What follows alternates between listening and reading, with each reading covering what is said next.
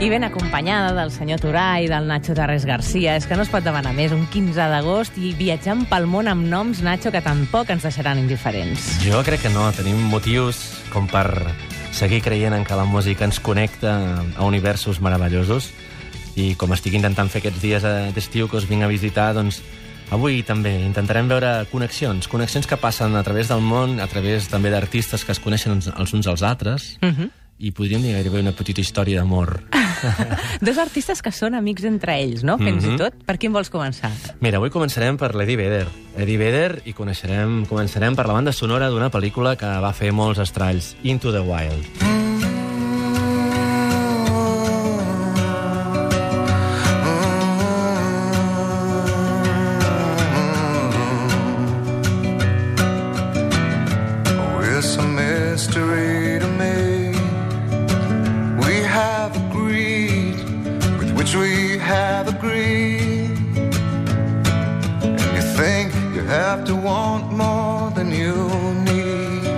li estic fent un Google, Nacho, perquè m'ha captivat d'entrada. Sí, sí, sí. Doncs qui de nosaltres no ha tingut mai la temptació d'agafar la bossa, posar-hi quatre coses, sortir corrent i enfrontar-se i enfrontar-se d'alguna manera al món, al món real, no? Aquell món que a vegades està més enllà dels nostres dia a dies i personatges.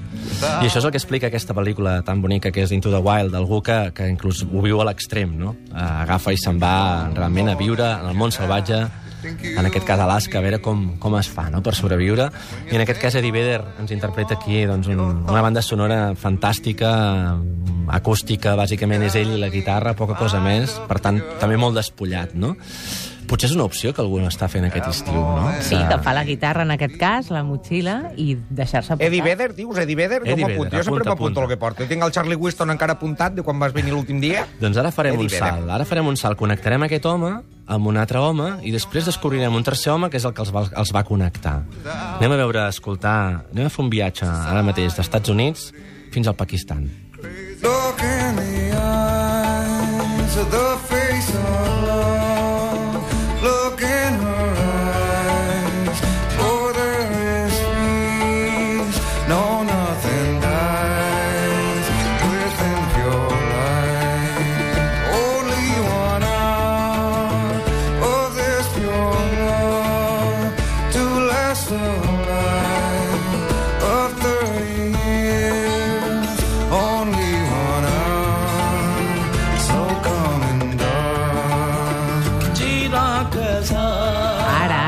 ja està, mare meva. sorpresa. bueno, aquí tenim una fusió fantàstica que es va produir arrel d'una pel·lícula també molt, molt bonica, que és uh, Dead Man Walking. Uh, no sé si es va traduir aquí com a Pena de Muerte o algú semblant. Sí, una banda sí. sonora pff, al·lucinant i aquí va haver-hi una fusió molt curiosa, no? Tenim l'Eddie Vedder cantant amb Nusrat Fateh Ali Khan, que és un dels, podríem dir, el, el gran mestre del Qawwali, Mhm. que és, és la música ritual pakistanesa. Es- Sentim de fons aquesta, aquest... Aquest acte Aquest podríem estil, dir, no? sí, no? De, de, de crida absolut. És... Exacte, és una, és una música devo- devocional Mhm. i realment el cantant es deixa anar a través de sota un- d'un- d'uns d'uns instruments molt concrets, bàsicament és l'harmònium, la tabla, i el cantant es deixa anar com fent una pregària, no? I aquí es va produir una fusió molt, molt, molt, molt bonica, crec jo. Algú que va tenir una idea brillant de juntar doncs, aquests dos homes, Eddie Vedder i en Nusrat Fateh, per aquesta pel·lícula, per aquesta banda sonora, perquè és aquesta fusió, no?, d'aquesta veu tan americana, tan yankee, amb algú de l'altra part del món, i a més a més amb un estil per sota que és una fusió de, de música blues, country gairebé, amb, amb, amb aquesta música kawali, l'harmònium, etc etc. Mm. I a mi és algú que, que, que, em, que em desperta molta, molta, molta passió, com us vull ara intentar demostrar en el següent pas que fem d'aquest viatge, uh -huh. que torna a ser una altra banda sonora i veurem aquest home que està cantant un Rat Fateh Ali Khan en un altre eh, espai completament diferent.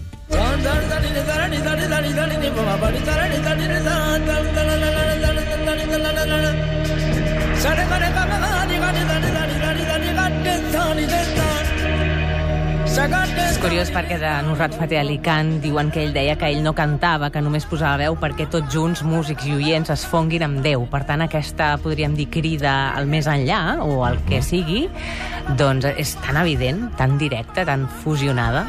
És, és bueno, d'aquelles... Jo ara mateix estic parlant i començo a tenir eriçada a la part de darrere les orelles, perquè realment sento com hi ha una emoció, no? És algo que no... que sento això i realment veig en fusió no va molt més enllà de la música per mi. És com que obre una porta a emocions, sentiments i d'alguna manera molt espirituals també, no? A mi se m'ha posat més a la panxa, A t'haig la de dir. panxa. Sí, aquí baix. Mira, veus? Cap aquí. I a tu, Toni? A mi tot una miqueta, eh? M'estic aixecant de la, de la cadira ja. Certament. Ah, amunt, amunt, amunt, que em levito! Certament, M'agrada, hi, m'agrada. ha, hi ha un punt de neguit en aquesta peça perquè pertanyen a una banda sonora d'una pel·lícula molt dura, durilla, que és uh, Natural, Bo Natural Born Killers, Nacidos para matar, no? Nascuts per matar, no? Una pel·lícula molt violent, molt potent, però que aquí servia per il·lustrar aquesta, aquest moment no? tan, tan potent. I aquí descobrim un- el tercer personatge que us havia promès, que és el que fa la connexió l'un amb l'altre. I el tercer personatge uh, és Peter Gabriel. Des del El- seu gran segell, discogràfic, no? que ha donat doncs, tanta veu i tants i tants músics Així que també és. es troben en aquestes connexions. Així és, aquest home va tenir fa 25 anys, just aquest any, la genial idea de muntar una discogràfica que es deia Real World. Arrel d'aquesta discogràfica es van començar a programar uns, uns festivals arreu del món que es deien WOMAT. Uh -huh. Inclús vam tenir, vam estar a punt de tenir la sort que això s'hagués instal·lat aquí a Barcelona. Al final, el WOMAT a Espanya es fa a Càceres cada any. I són uns festivals, o una manera d'entendre, sobretot molt, molt, molt interessant en aquests moments, ens movem a finals dels 90, on de cop i volta un artista com Peter Gabriel, que està al cim de la seva carrera personal, aprofita els seus recursos per obrir altres connexions. I en aquest cas munta un segell on dona l'oportunitat a músics d'arreu del món de poder eh, treure amb un segell discogràfic de renom i en potència i donar-se a conèixer al món occidental. També creant algunes fusions i algunes maneres d'entendre la música diferents. És el cas de, de... Jo crec que la perla que va més va, va descobrir d'alguna manera Peter Gabriel és Nusrat Fateh Ali Khan, el, possiblement el que més. I segon, i després ara us passo, hi ha una peça possiblement d'un dels que més m'agrada també d'aquest segell, que és Ayub Ogada.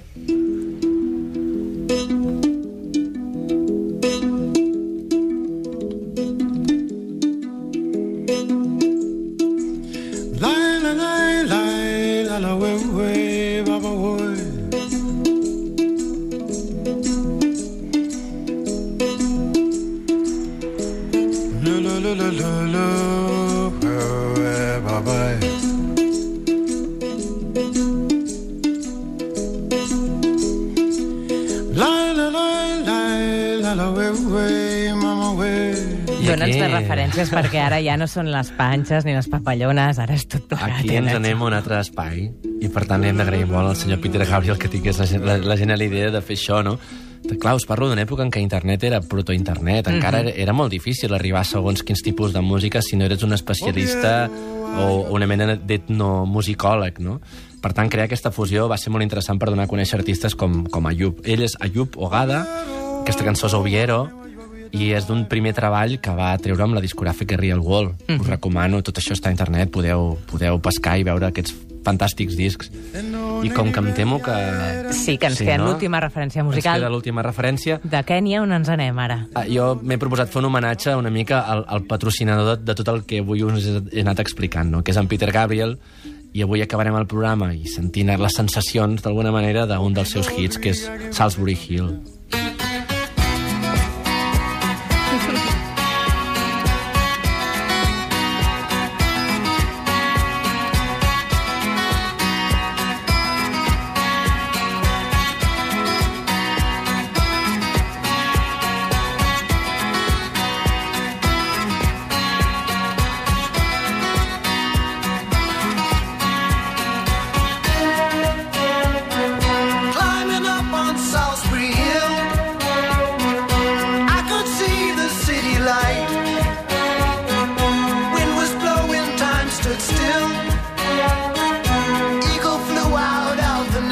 Capaç de fer cançons immutables al pas del temps, perquè aquesta cançó és 100% contemporània ara. Supermoderna. És molt moderna.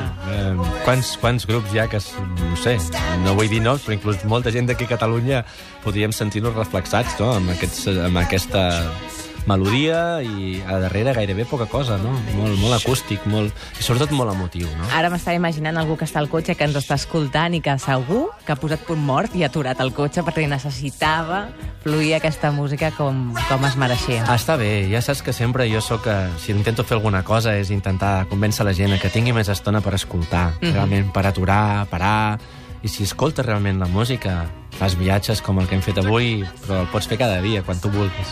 Escoltar i alhora sentir. És que és aquest doble joc que sempre ens motiva els divendres a fer de la música un aliat. Un plaer, Nacho Tarrés, sí, és que Peter Gabriel, i si voleu més informació, entreu a realworldrecords.com, que ja teniu tots els artistes, teniu la discografia, fins i tot les dates on hi ha concerts. Un disc, us recomano un disc molt especial. Si us agrada Peter Gabriel, per veure l'altra faceta de Peter Gabriel, que és la banda sonora de, de l'última passió de Crist, mm. -hmm. de, la- la banda sonora que va fer per la pel·lícula de Scorsese, si no dic malament, si no el senyor Green em corregeixi d'aquesta casa, però en tot cas aquesta, aquesta banda sonora es diu Passion, us recomano, és fantàstic, un viatge pel Pròxim Orient, justament amb l'espiritualitat que hi hauria de segurament viure i regnar i no el que tristament estem veient ara en aquests moments. Sí, seria un molt bon exercici, girar les coses amb la música. I tu ho fas possible, Nacho Tarrés. Molt rodonet, això, noi. Molt senyor. rodonet. Has Sí, pres nota avui? Tot, coi, Arriba tot la informació. Marxem, després tornem, dues hores més.